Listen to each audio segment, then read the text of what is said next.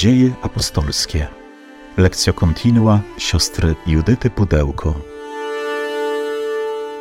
Jesteśmy cały czas w samych początkach dziejów apostolskich.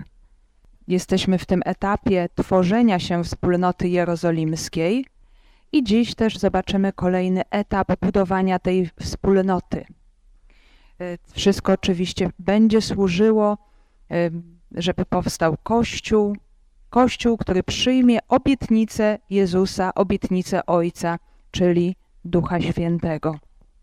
A my też o ten dar Ducha za chwilę poprosimy, aby to słowo było dla nas dzisiaj pocieszeniem, umocnieniem, żebyśmy mogli znów zobaczyć w jakimś małym fragmenciku, kawałku, jak Pan Bóg prowadzi Kościół, czyli jak Pan Bóg prowadzi mnie, bo my jesteśmy tym Kościołem i my jesteśmy spadkobiercami e, tego wszystkiego, co e, otrzymali uczniowie Jezusa, co przekazali kolejnym pokoleniom uczniów, więc cały czas trwa to dziedzictwo przekazywane od samego początku.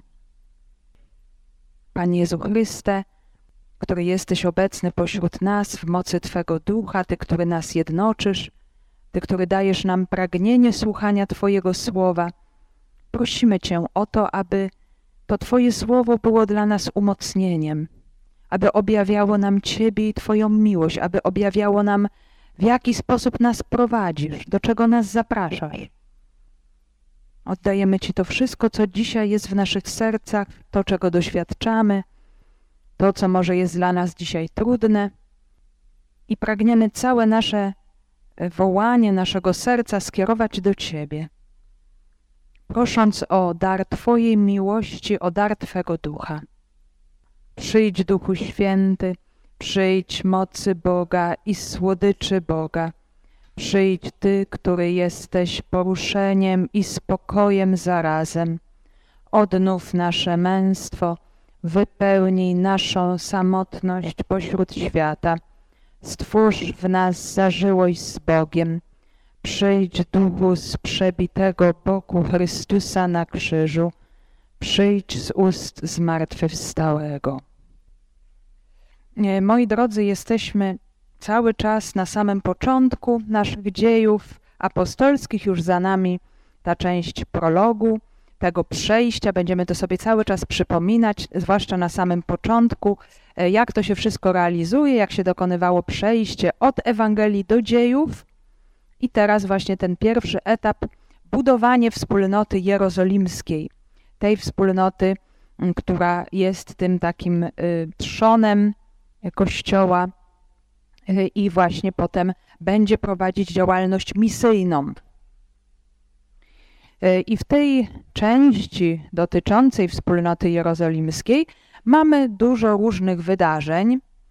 Już zaczęliśmy właśnie od tego, że Piotr podejmuje się oglądu wspólnoty. Jeszcze za chwilę o tym, o kontekście sobie jeszcze więcej powiemy, ale ta wspólnota musi zostać niejako uzdrowiona, uleczona, aby przygotować się na przyjęcie daru ducha. E, także mamy mm, właśnie te początki, fundacja, ukierunkowanie, e, wszystkie bardzo pozytywne rzeczy, ale również widzimy w tych początkach też i kryzysy, słabości. E, to, że ten Kościół i cały czas będziemy to sobie powtarzać, tworzą ludzie słabi, grzesznicy, ludzie, którzy nie są idealni, którzy nie mają y, takich, możemy powiedzieć, stuprocentowych predyspozycji, żeby ogłosić dobrą nowinę całemu światu. I Łukasz wcale tego nie ukrywa i bardzo celowo chce to pokazać. Dlaczego? Bo już o tym mówiliśmy wielokrotnie przy naszych wstępach, bo to nie jest dzieło samych uczniów. To jest właśnie przede wszystkim dzieło Ducha Świętego. Mówiliśmy sobie, on jest tym głównym bohaterem tej księgi. On będzie tutaj działał i będzie objawiał swoją moc.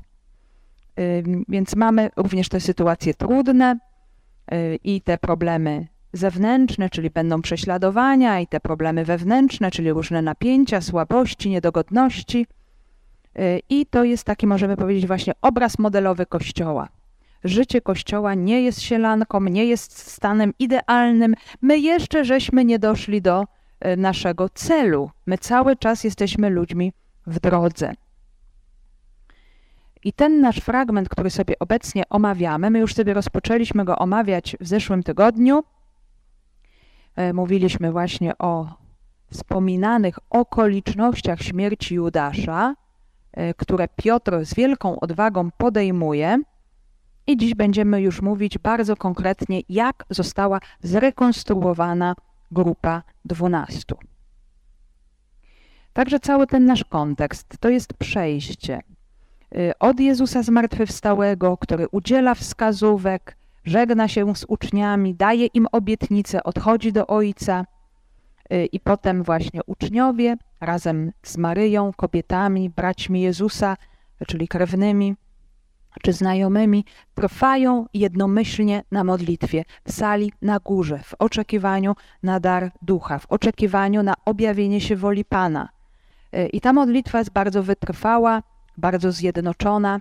Także w pewnym momencie, nie wiemy kiedy to się stało, wiemy, że na pewno w tym czasie e, po 40 dniu od zmartwychwstania, a przed 50 dniem, czyli e, w pewnym momencie po w tych 10 dniach jest właśnie odkrycie woli Pana.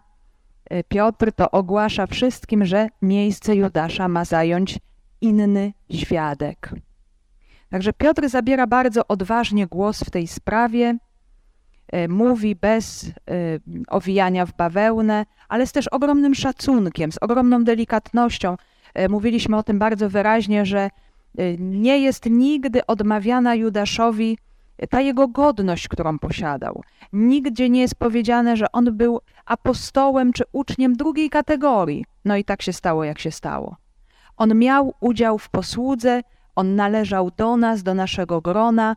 Y, on posiadał właśnie ten dar łaski udzielony przez Pana, aby tę posługę pełnić, ale dokonał wyboru. Tak jak zresztą wybrał. Wybrał oczywiście pod wpływem działania złego ducha i pozostawił po sobie puste miejsce. Czyli jest jakaś rana, jest jakiś brak. Dwanaście Y, pokoleń Izraela, dwunastu apostołów, teraz jest ten brak i należy też ten brak podjąć. Należy wspólnotę odnowić. I Piotr to podejmuje. Z dziejów apostolskich. Jest bowiem napisane w Księdze Psalmów Niech stanie się pusty jego dom i niech nikt w nim nie zamieszkuje, a urząd jego niech inny obejmie. Trzeba więc pośród mężczyzn, którzy chodzili z nami cały czas od przybycia do odejścia Pana Jezusa, zaczynając od chrztu Jana, aż do dnia, w którym został zabrany od nas, aby jeden z nich stał się wraz z nami świadkiem Jego zmartwychwstania. I postawiono dwóch, Józefa zwanego Barsabą z przydomkiem Justus i Macieja. I modląc się rzekli, Ty, Panie, znasz serca wszystkich, Wskaż jednego, którego z tych dwóch wybrałeś, by zająć miejsce w posłudze i apostolstwie, które porzucił Judasz, by odejść na swoje własne miejsce. I dali im losy, i padł los na Macieja, i został wliczony do jedenastu apostołów. Jest bowiem napisane w Księdze Psalmów, niech stanie się pusty jego dom i niech nikt w nim nie zamieszkuje, a urząd jego niech inny obejmie. Czyli tutaj jest cały czas kontynuacja tej mowy wcześniejszej Piotra, e, kiedy wyjaśniał wcześniej o śmierci Judasza, e, o jego tragicznym losie. Mówił o tym, że przewidział już to Duch Święty przez usta Dawida. I właśnie teraz mamy te słowa, które zostały przewidziane jako właśnie odpowiedź na trudną sytuację. Już sobie mówiliśmy, że nie chodzi tutaj o to, że Słowo Boże niejako z góry przewiduje zdradę człowieka. E, oczywiście Pan Bóg wie, że my jesteśmy grzeszni, że jesteśmy skłonni do zła, ale nikt nie jest do, do niego przeznaczony. My mamy wolną wolę i zawsze możemy wybrać dobro, wybrać Pana, ale też możemy go nie wybrać. Także jest to nam tutaj dane e, w zależności właśnie od tego, w jakim kierunku się skłaniamy, kogo słuchamy, dlatego jest tak bardzo ważne słuchanie Bożego Słowa, bo ono nas zawsze ciągnie do tych właściwych wyborów, do słusznych wyborów. I jest ważne właśnie to rozeznawanie. Ale Słowo Boże, na które tutaj powołuje się Piotr, co już sobie powiedzieliśmy, ono z wielką nadzieją daje rozwiązanie tej trudnej sytuacji.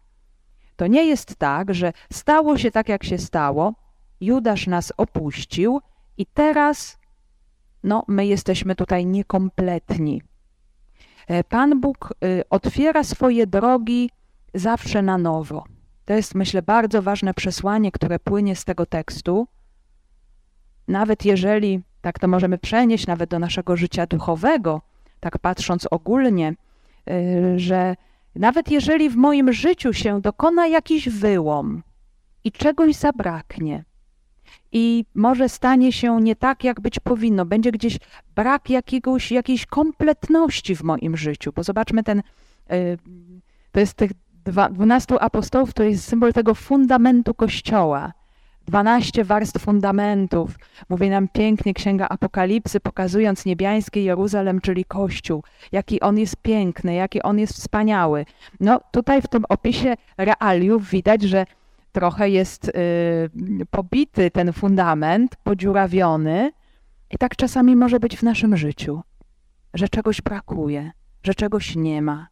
I tak nie musi wcale być, dlatego że otrzymujemy Słowo Boże, które jest pełne nadziei i które mówi, chociaż jest ten wyłom, bo zobaczcie, trzeba zawsze stanąć w prawdzie. Zobaczymy zaraz, że to słowo jest tak skomponowane, że jest element pokazujący negatywną sytuację, a potem zaraz pozytywną sytuację. To jest bardzo charakterystyczne też dla Bożego Słowa, że żeby coś nowego zbudować, trzeba najpierw dotknąć tej sytuacji, która jest, nie ukrywać wcale tego, co się stało.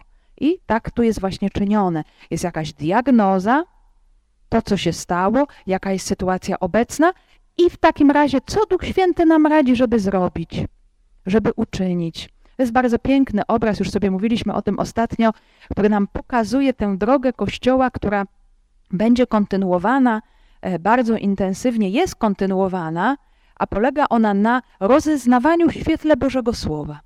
Że Słowo Boże pozwala nam odczytywać różne sytuacje naszego życia, że oświetla naszą drogę.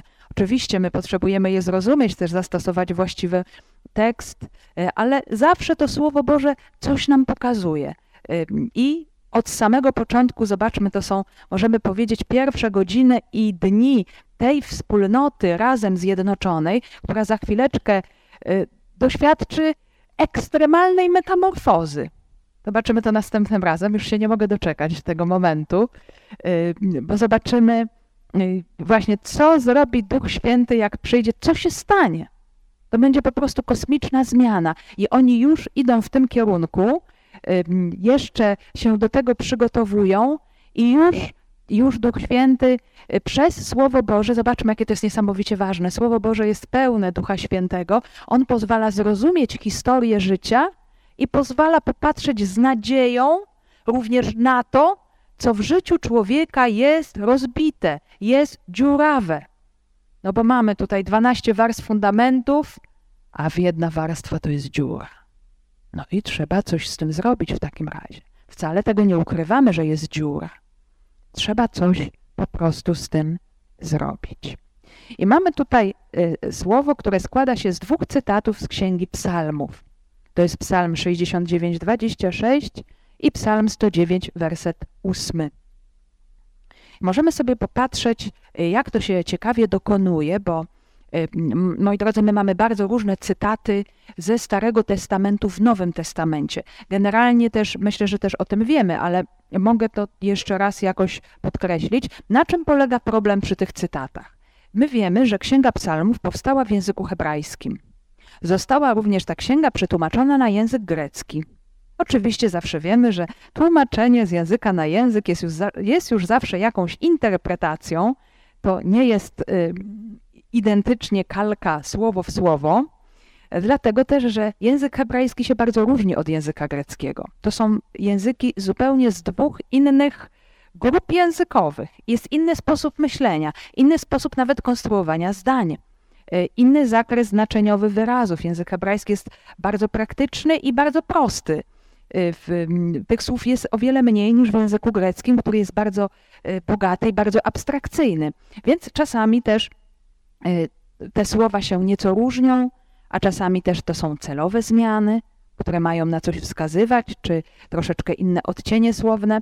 E, I Nowy Testament powstaje w języku greckim. Więc potem, kiedy widzimy w, w, tekście Nowego Testamentu cytat ze Starego Testamentu, to się przyglądamy temu tekstowi i zadajemy pytanie, z jakiej wersji on pochodził? Czy on bardziej przypomina ten pierwowzór hebrajski? Trzeba się bardzo wysilić, żeby te podobieństwa zobaczyć. Czy to jest po prostu zacytowanie z Septuaginty, czyli z hebrajskiej wersji Starego Testamentu, a jeszcze może być inna sytuacja. Jaka? Bo starożytni chrześcijanie, oni znali e, Słowo Boże na pamięć, bardzo wiele tekstów, tak jak my. Jak jesteśmy osłuchani, jakbyśmy tu zrobili przepytywankę z różnych fragmentów, to już byśmy zaczęli pewnie e, recytować pewne teksty, które znamy z liturgii na pamięć. I tak właśnie było w starożytności, tylko czasami oni trochę tak cytowali po swojemu. I stąd czasami mamy takie cytaty, które nie pasują ani do hebrajskiego, ani do greki, tak w stu procentach. Oczywiście są one jakąś czasami parafrazą. To tak, taka poboczna kwestia, dlatego tutaj przywołuję praktycznie w tłumaczeniu oczywiście polskim, bo inaczej nie możemy tego zrobić, e, wszystkie te trzy warianty.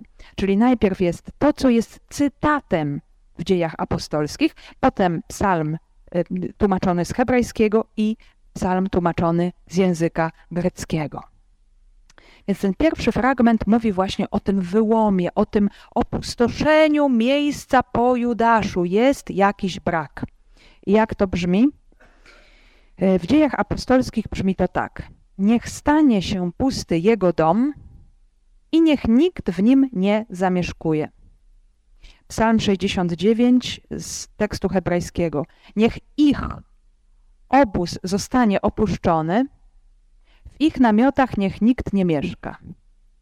I z wersji greckiej tego psalmu jest, y, zauważamy, że jest o numer niższa numeracja, to jest związane z tym, to też w Biblii Tysiąclecia możemy zobaczyć, że ten wyższy numer to jest numer z Biblii hebrajskiej, niższe numery z Biblii greckiej, bo te wersje sobie na przykład w różny sposób psalm albo dzieliły długie psalmy na pół, albo łączyły króciutkie psalmy, więc e, te liczby nam się tutaj troszeczkę różnią. E, z Biblii greckiej brzmi to tak. Niech ich siedziba opustoszeje, niech w ich namiotach nie będzie mieszkańców.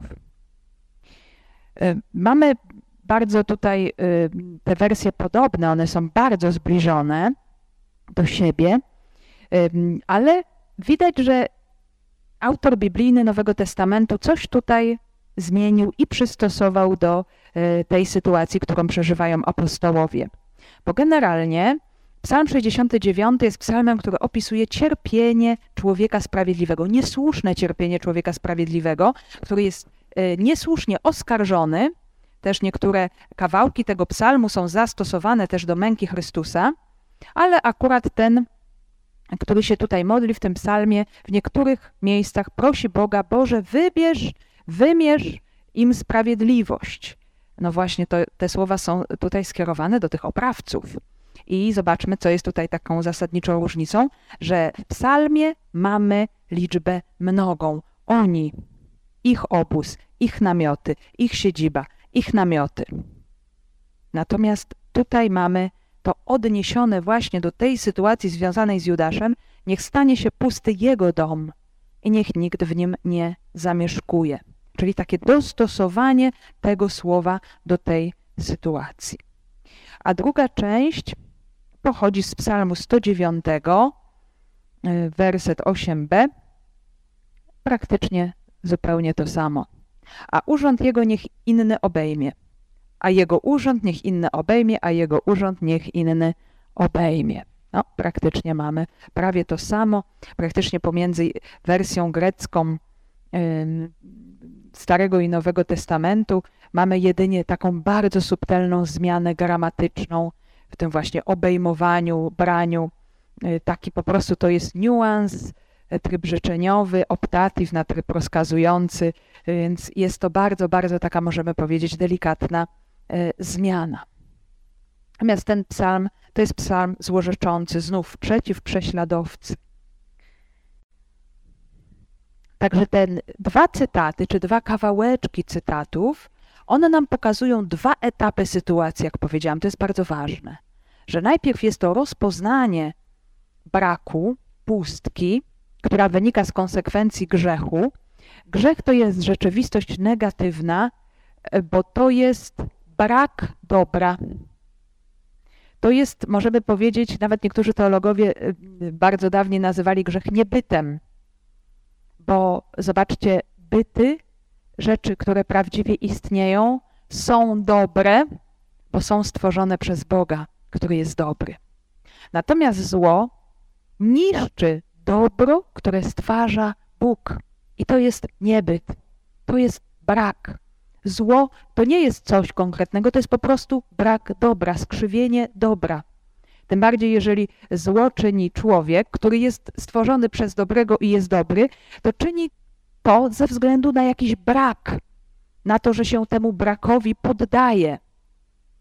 Czyli jest właśnie jakaś pustka, jakaś dziura, jakiś ślad y, właśnie takiej dziury, y, takie opustoszenie i to dotyka we wspólnotę. To też pokazuje, moi drodzy, że każdy grzech, każde zło człowieka posiada wymiar społeczny. To nie jest tylko tak, że e, złe wybory uderzają we mnie, moje złe wybory uderzają we mnie albo w te osoby, które tego dotyczy, cała sprawa. Ja na przykład kogoś krzywdzę, albo czegoś nie dopełniam, albo zaniedbuję coś, no to może to dotyczyć w takim e, węższym znaczeniu e, no, tych osób, które są w konkretnie tutaj zainteresowane. Ale nie tylko tak. Grzech właśnie zawsze, jeżeli przeżywamy go jako chrześcijanie, jako e, część ciała Chrystusa, zawsze dotyka wspólnoty. I jednocześnie nie trzeba się tą rzeczywistością załamywać, bo jest i odwrotny kierunek, że dobro, które czynimy, to jest nie tylko coś, co dotyczy nas, czy nawet tej osoby, której czynimy dobro, czy tych osób, którym czynimy dobro, że to jest taka wymiana tylko, ale każdym naszym dobrem my budujemy Kościół. My y, y, robimy ten, możemy powiedzieć, odbudowę tych wszystkich wyromów, jakie są, tych dziur, to trzeba mieć zawsze na względzie, nie? że y, nawet może nie jesteśmy świadomi, y, jakiego dobra jesteśmy udziałem y, przez nasze małe dobra, do których jesteśmy codziennie zapraszani.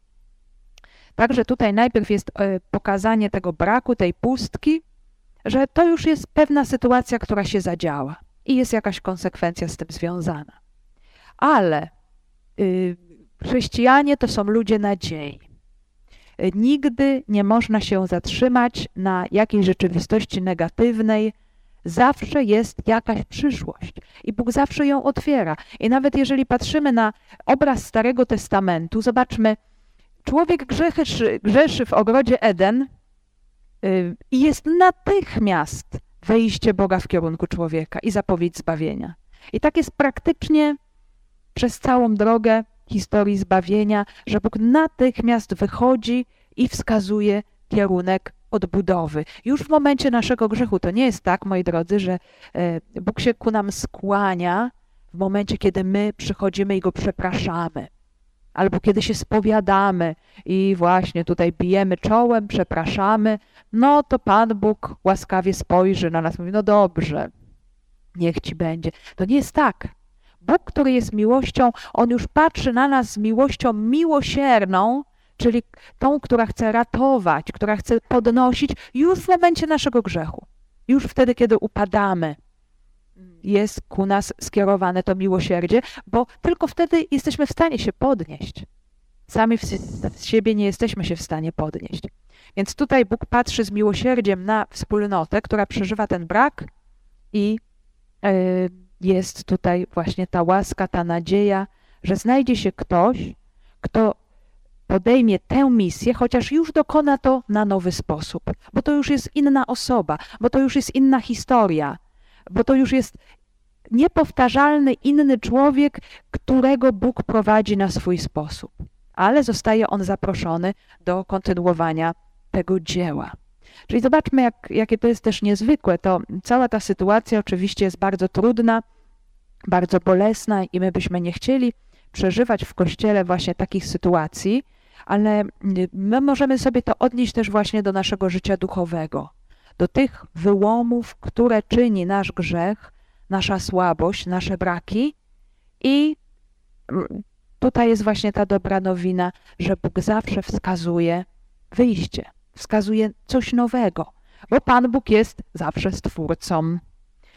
Y, rzeczywistość stwarzania się nie zakończyła i On ciągle stwarza rzeczy nowe. Porządkuje nasz chaos i napełnia go treścią. Trzeba więc pośród mężczyzn, którzy chodzili z nami cały czas od przybycia do odejścia Pana Jezusa, zaczynając od chrztu Jana, aż do dnia, w którym został zabrany od nas, aby jeden z nich stał się wraz z nami świadkiem Jego zmartwychwstania. I teraz Piotr przedstawia tutaj kryteria. Kto może zostać dołączony do grupy 11, aby było nas 12? I pierwsze kryterium jest czasowe. To musi być ktoś, kto długi czas był z nami. Czyli to jest ktoś, kto ma właśnie żywe i długie doświadczenie obecności Jezusa podczas jego misji. Po prostu zna misję Jezusa, pamięta jego słowa, jego czyny, jego zachowanie, jego osobę. Bo zobaczmy, to jest niesamowicie ważne, jeszcze do tego wrócimy. Apostołowie są taką w tym pierwszym etapie fundacyjnym żywą pamięcią Jezusa. I dlatego to wszystko zostało tak przekazane, tak nam pozostawione, że jest dla nas pełne życia. I to pierwsze pokolenie, ono jest właśnie tak bardzo, bardzo ważne. Czyli od chrztu Jana aż do wniebowstąpienia, kryterium czasowe. To jest ktoś, kto musiał tutaj być przy nas. Drugie kryterium jest jakościowe. Musi to być ktoś, kto uczestniczył również w tej formacji, był formowany przez Jezusa. I do czego to doprowadziło? Do tego, że stał się świadkiem zmartwychwstania. Czyli miał doświadczenie zarówno Jezusa w ciele ludzkim przed zmartwychwstaniem, podczas jego misji, jak i spotkał go po zmartwychwstaniu. Dlaczego? No bo to będzie podstawa całej misji Kościoła. To są ludzie, którzy oddadzą swoje życie za tę prawdę. No nie może być ktoś przypadkowy, kto może o tym usłyszał, kto się może tym zachwycił, no ale ostatecznie, jak go ktoś przyciśnie, to powie, hmm, no, no nie wiem do końca, jak było z tym zmartwychwstaniem, no bo przecież przy tym nie byłem, nie spotkałem. No właśnie, taki świadek musi spotkać, musi doświadczyć. Y, też można spotkać zmartwychwstałego w inny sposób, tak jak na przykład Szaweł pod Damaszkiem. On potem bardzo mocno y, potwierdzał to, że spotkał zmartwychwstałego. Tylko takie doświadczenie daje człowiekowi siłę, ostateczną siłę, żeby nie pozwolić sobie tej prawdy wytrzeć. Ona była tak wielka, tak niezwykła, że zobaczmy, ludzie oddawali za to życie, to pierwsze pokolenie apostołów, i ta ich postawa potem stała się siłą, jakimś takim inspiracją do wiary i do męstwa dla kolejnych pokoleń chrześcijan, z którymi wiemy, co się działo na samym początku. Oni też ponosili śmierć męczeńską, ale dlaczego? Bo ta ich wiara miała fundament. Skoro ci pierwsi tak bardzo wierzyli, skoro oni oddali swoje życie, to musi być prawda. Także oni weszli, weszli w to świadectwo tej misji. E, także szerokie doświadczenie Jezusa w różnych okolicznościach po to, żeby głosić zmartwychwstanie jako jedną z podstaw naszej wiary, jak i potem nawet oddać za to słowo życie, swoje życie. I postawiono dwóch. Józefa zwanego Barsabą z przydomkiem Justus i Macieja. Mamy dwóch kandydatów, którzy są bardzo mało znani, to nie są jakieś tutaj, możemy powiedzieć, gwiazdy błyszczące w opisach Ewangelii. Józef, syn Saby, Barsaba, to w języku aramejskim właśnie syn Saby, choć niektórzy to też tłumaczą syn Szabatu, urodzony w Szabat. Jeszcze ma na dodatek przydomek Justus. E, Justus jest to słowo łacińskie, to jest też ciekawe, czyli no właśnie taki Żyd, który ma ksywkę łacińską, E, czyli sprawiedliwy, od słowa cadik, hebrajskiego, to, był, to słowo cadik było bardzo, bardzo wielkim komplementem. Jeżeli ktoś w Starym Testamencie wśród Żydów był nazywany sprawiedliwym, no to prawie był on postrzegany jako święty. Zobaczmy, tak jest opisywany między innymi e, święty Józef, który był człowiekiem sprawiedliwym. Także jest to bardzo wielkie, wielkie wyróżnienie. I potem jest Maciej.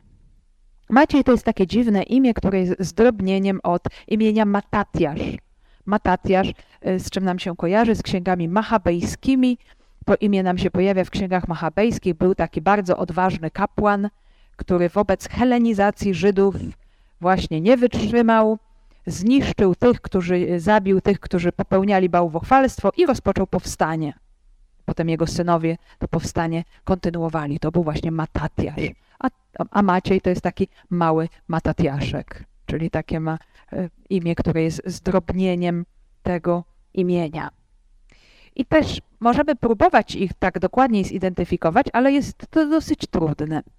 To też jest, moi drodzy, takie bardzo ciekawe, bo nam pokazuje, że y, Pan Bóg sobie naprawdę wybiera, kogo chce i jak chce. Więc nie ma tutaj jakichś y, ludzkich jedynie uwarunkowań. Są oczywiście późniejsze świadectwa y, już z późniejszych czasów chrześcijańskich, więc wielcy historycy starożytni, Epifaniusz Salaminy i Eusebiusz Cezarei twierdzili, że ci dwaj mieliby przynależeć do grona 72, o których pisze święty Łukasz w Ewangelii, że to też byli uczniowie. W dziewiątym rozdziale Ewangelii Łukasza jest mowa, że Jezus wybrał dwunastu, a w dziesiątym rozdziale jest powiedziane zaraz szybko, że wybrał 72 i ich posłał po dwóch. No i ten Józef, zwany Barsabą, przez niektórych bywa identyfikowany jako kuzyn Pana Jezusa. Zobaczmy, mamy chociażby w tym opisie, że byli tam e, uczniowie, Maryja, kobiety i bracia Jego. No, może jest to jakiś ślad. Kuzyn Jezusa, brat Judy. I mamy tutaj w Ewangelii Marka takie dwie wzmianki. Czy nie jest to cieśla w odniesieniu do Jezusa, syn Maryi, a brat Jakuba, Józefa, Judy i Szymona? Czyż nie żyją tu także jego siostry? i powątpiewali o nim. E, czy y, też w Ewangelii Marka w rozdziale 15 były tam również niewiasty, które przypatrywały się z daleka, między nimi Maria Magdalena, Maria, matka Jakuba Mniejszego i Józefa oraz Salome. Józef Mniejszy był przez niektórych identyfikowany właśnie jako kuzyn Pana Jezusa i jego brat miałby mieć na imię Józef, czyli może to był jakiś kuzyn Jezusa, ale nie mamy co do tego stuprocentowej pewności. Według y, papiasza biskupa Hieropolis z II wieku y, Józef miał otrzymać truciznę i ta trucizna mu nie zaszkodziła.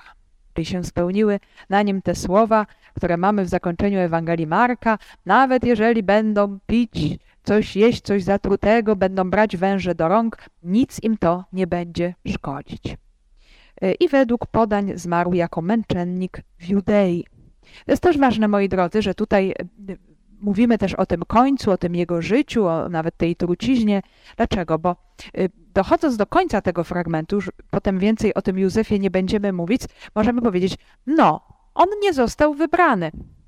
Los na niego nie padł.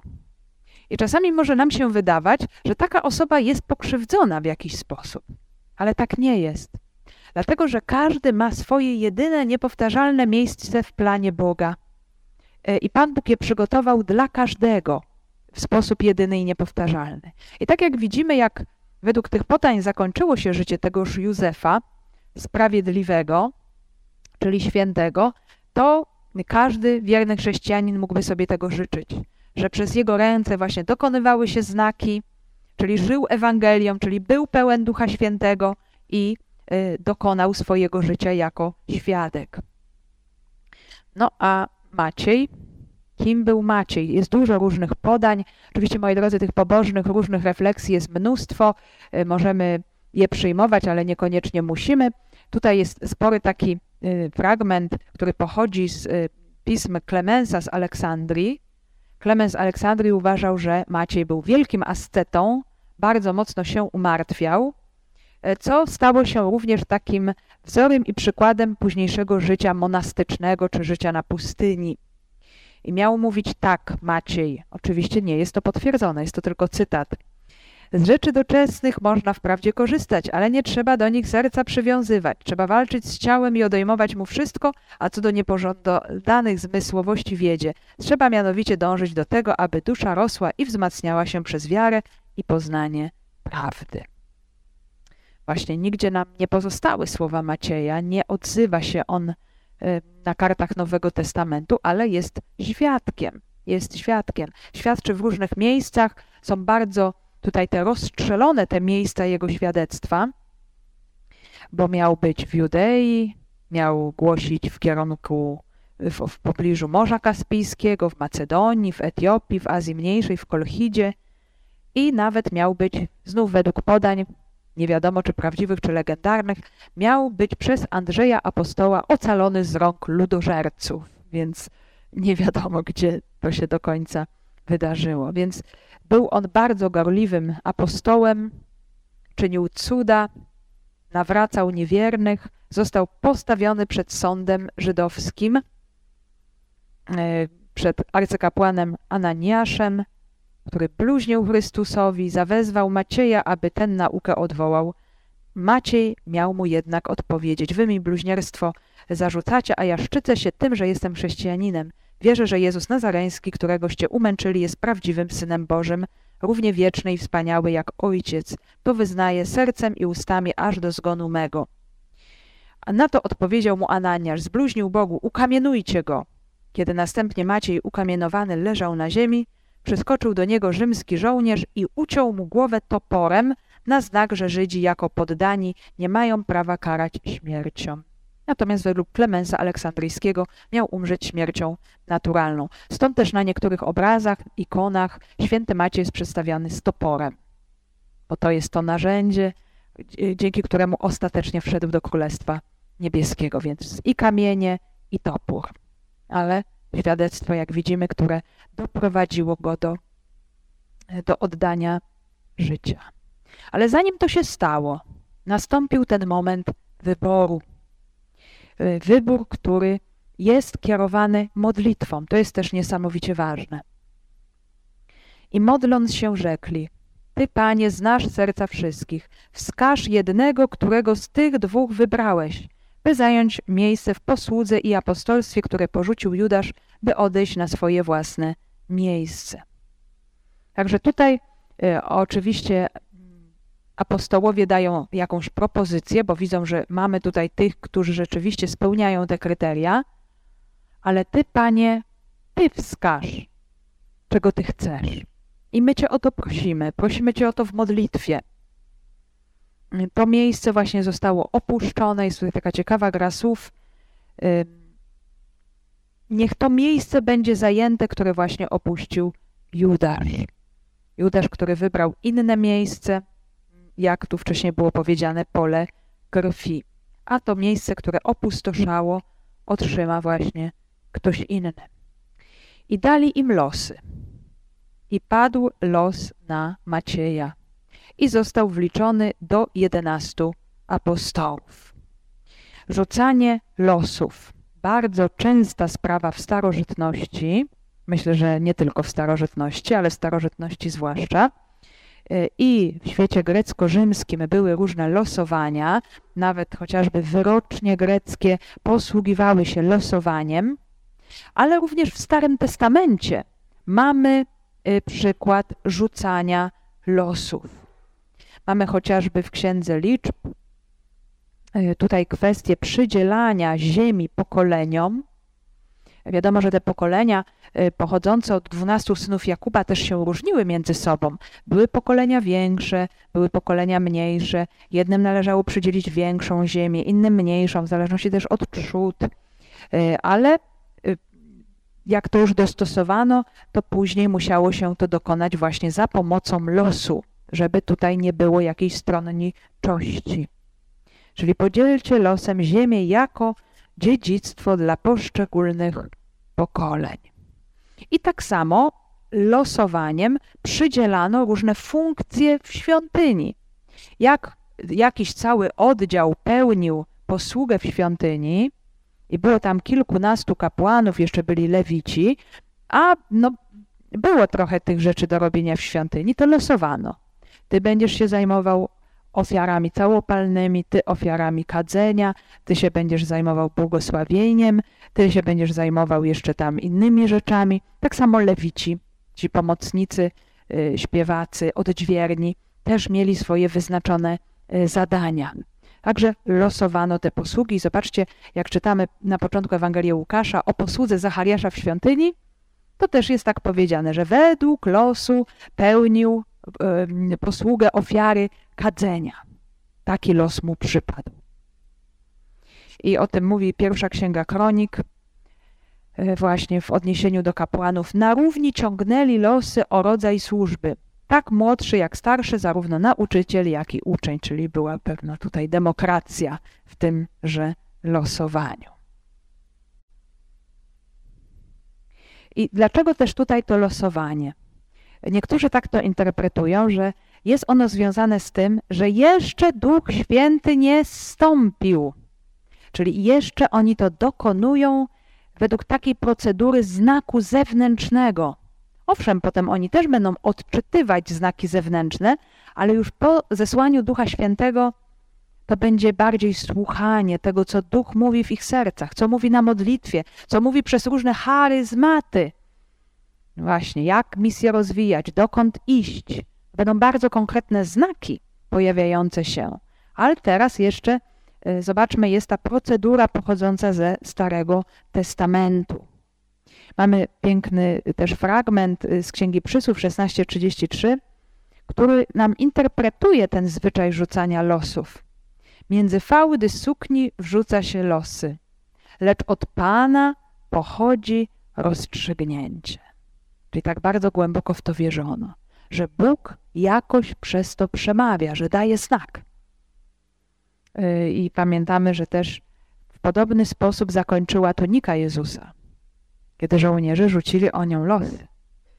I przypadła jednemu, bo nie chciano jej rozrywać, dzielić na części, jak podzielono płaszcz pomiędzy czterech żołnierzy pilnujących Jezusa. Jak ta procedura losowania wyglądała? Co to znaczy rzucić losy? Co to znaczy rzucić losy? E, co to były te losy? To były dwa kawałki drewna albo e, kawałki ceramiki, czasami takie możemy powiedzieć właśnie resztki potłuczonego dzbana i na tych kawałkach wypisywano imiona zainteresowanych. I potem te dwa kawałki, czy akurat w tym przypadku to były dwa kawałki, mogło być ich więcej, umieszczano w jakimś naczyniu albo umieszczano w fałdach szaty, szaty i potrząsano gwałtownie w jakiś bardzo taki sposób umiejętny, tak, żeby z tego miejsca, gdzie te losy przebywały, wypadł tylko jeden. I wtedy właśnie mówimy, że padł los na Macieja. Jego los wypadł, czyli jego los padł. Tutaj jest to znakiem, że ten kawałeczek, który na niego wskazywał, wypadł e, z, tej, z tego pojemnika, czy jakiegoś miejsca, gdzie się znajdował, gdzie oni tam potrząsali tym naczyniem z losami i po prostu wypadłeś. Tak jakbyśmy powiedzieli, to to lotek, tak? Wypadła piłeczka z numerem 6 na przykład, czy 7. Więc tak to musiało po prostu w tej sytuacji wyglądać. I w taki sposób Maciej zostaje dołączony do grupy apostołów, których znowu jest dwunastu, jako właśnie ten zalążek nowego ludu Boga. I wspólnota ten znak przyjmuje, zobaczmy, nie kwestionuje go, y, podchodzi do niego z wielką powagą, może dlatego też, że tego rodzaju tradycja miała miejsce e, we wspólnocie ludu Izraela, właśnie w związku z tymi e, podziałem ziemi, a zwłaszcza właśnie z procedurą losowania e, osób w posłudze kapłańskiej do różnych czynności. Więc widziano, że tego rodzaju tutaj decyzja będzie jak najbardziej słuszna i miarodajna. Więc to wszystko, jak sobie zbierzemy razem, to, że zobaczmy, jest nie tyle decyzja samego Piotra, gdzie Piotr decyduje jako, y, możemy powiedzieć, ten y, pierwszy spośród apostołów, głowa Kościoła, on potem będzie podejmował decyzję, ale już po zesłaniu Ducha Świętego. Tutaj jeszcze przed jest jakiś taki, możemy powiedzieć, zewnętrzny element i mm, dlatego, że jest właśnie po pierwsze to rzucanie losów, po drugie, że jest wcześniej modlitwa, czyli ta intencja, przekazanie Panu tego działania w ręce. Panie Boże, Ty wskaż, Ty powiedz, Ty zrób. Dlaczego to wszystko? No oczywiście wiadomo, że e, oni chcieli, żeby e, wszystko było kierowane Bożą wolą, ale zobaczmy, w ten sposób Maciej e, wchodzi do rzeczywistości wspólnoty, która została bezpośrednio wybrana przez Pana. Jak to się stało, że Jezus też się modlił przed wyborem dwunastu i tylko i wyłącznie y, y, ewangelista Łukasz to podkreśla. On mówi o tej modlitwie Jezusa przed wyborem dwunastu, czyli tak jak teraz Kościół modli się przed dopełnieniem grona dwunastu, tak samo Jezus modlił się i to jeszcze całą noc się modlił. Wyszedł na górę i całą noc spędził na modlitwie do Boga. I dopiero o świcie z nastaniem dnia przywołał swoich uczniów, czyli jest jakieś większe grono tych osób, które chodziły za Jezusem. Być może potem to większe grono stało się tym, tym gronem 72. Być może jeszcze było ich więcej, tych uczniów, całe rzesze przecież za Jezusem chodziło. Oczywiście nie wszyscy byli uczniami, ale bardzo wielu chciało być uczniami Jezusa i wybiera również. Czyli jest modlitwa i jest wybór. I w rzeczywistości Kościoła jest modlitwa i jest wybór, który według modlitwy i tej intencji y, dokonanej został uczyniony przez samego Jezusa. Tak, jakby on wybrał Macieja. Więc chodzi o to, żeby Maciej mógł y, też właśnie również doświadczyć tego samego, co było udziałem tych apostołów bezpośrednio wybranych przez Jezusa. No wiadomo, że już to są inne warunki, ale to też jest ważne, żebyśmy na to zwracali uwagę, że jest ta ciągłość. Pomiędzy tym, co się działo w życiu Jezusa w Ewangelii, w jaki sposób On się zwracał do Ojca, w jaki sposób On decydował, wybierał, słuchał, rozeznawał. I to samo staje się rzeczywistością Kościoła. Kościół wchodzi w ślady e, swojego mistrza i Pana. Chce być otwarty, chce być słuchający, y, chce rozpoznawać, jaka jest wola Pana, chce rozpoznawać, jak my mamy rozwiązywać nasze trudne sytuacje. No, to jest bardzo wyraźny y, znak, też takie wyzwanie dla nas, którzy też doświadczamy bardzo różnych trudnych sytuacji i w naszym życiu, i w szerszych wymiarach jakiejś naszej pracy, relacji, spotkań, współpracy z różnymi ludźmi, więc mm, tu jest opisany właśnie taki model chrześcijański e, wyboru e, czy decyzji, właśnie zobaczmy to kryterium Słowa Bożego, bardzo mocno wzięte pod uwagę i kryterium modlitwy i oddania Panu decyzji. Więc teraz, kiedy Maciej został już dołączony, my, y, my to widzimy, że to zesłanie ducha może się już dokonać. To też jest, moi drodzy, bardzo ciekawa rzecz i też możemy sobie tutaj postawić pytanie i taką refleksję uczynić nad tym, y, że może czasami, oczywiście ten Duch Święty, y, o tym też będziemy mówić, on działa w sposób nieprzewidywalny i też dostosowuje się do różnych sytuacji życia człowieka, Y, także jego cechą charakterystyczną, co zobaczymy za tydzień, jest to, że zaskakuje. Nie można go do końca przewidzieć, okiełznać, chociaż podpatrując, jak Duch Święty działa na kartach Pisma Świętego, no cośkolwiek już możemy o nim powiedzieć. I akurat w tej sytuacji to działanie tak jakby jest związane z pewnym uporządkowaniem. Będzie taka sytuacja, że zobaczymy, Duch Święty się wyleje nawet na pogan przed Chrztem Świętym. To będzie już w ogóle jedno wielkie kuriozum i szok y, takie rzeczy też mogą mieć miejsce, więc to nam pokaże, nie myślmy, że my możemy Ducha Świętego sobie zamknąć do klatki i powiedzieć, siedź tutaj, a jak ci otworzymy, no to wtedy możesz coś zrobić. Nie, nie, nie, to się tak nie da. Duch Święty jest nie do ogarnięcia zupełnie, właśnie jak wiatr, jak ogień. Niemniej jednak tutaj tak jakby właśnie czekał. Czekał na ten moment, kiedy wspólnota będzie gotowa. To jest też takie bardzo ważne kryterium. Y, zobaczmy, Duch Święty jest niesamowicie pokorny. Mówiliśmy sobie o nim bardzo dużo przy lekturze Ewangelii Janowej, kiedy Jezus o nim opowiadał, kiedy mówił o jego cechach, jego przymiotach, zwłaszcza kiedy właśnie nazywał go parakletem, czyli tym, który przychodzi jako przywołany, jako obrońca, jako rzecznik, jako adwokat, jako ten, który umacnia, przekształca, oświeca, ale tu jest też potrzebna pewna gotowość ze strony oczekujących. I zobaczmy, to się właśnie tu realizuje. Była potrzebna pewna gotowość.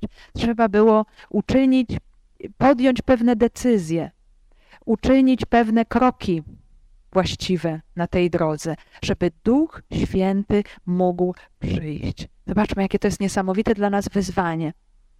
Na ile wyłomów w naszych fundamentach my możemy zwrócić uwagę? Gdzie mogę jeszcze y, zaprosić Ducha Świętego? Gdzie mogę zrobić miejsce? Gdzie potrzebuję coś tam dopełnić, żeby ten Duch Święty mógł bardziej jeszcze we mnie działać i przeze mnie działać? Bo to, że On działa przez nas, to na pewno działa, bo jesteśmy ochrzczeni.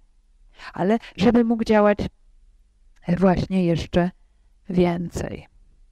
I to jest dla nas, moi drodzy, właśnie ta dobra nowina, że y, Pan Bóg wszystko porządkuje, y, wszystko wyrównuje, że jest ten plan Boga, którego grzech człowieka nie jest w stanie unicestwić.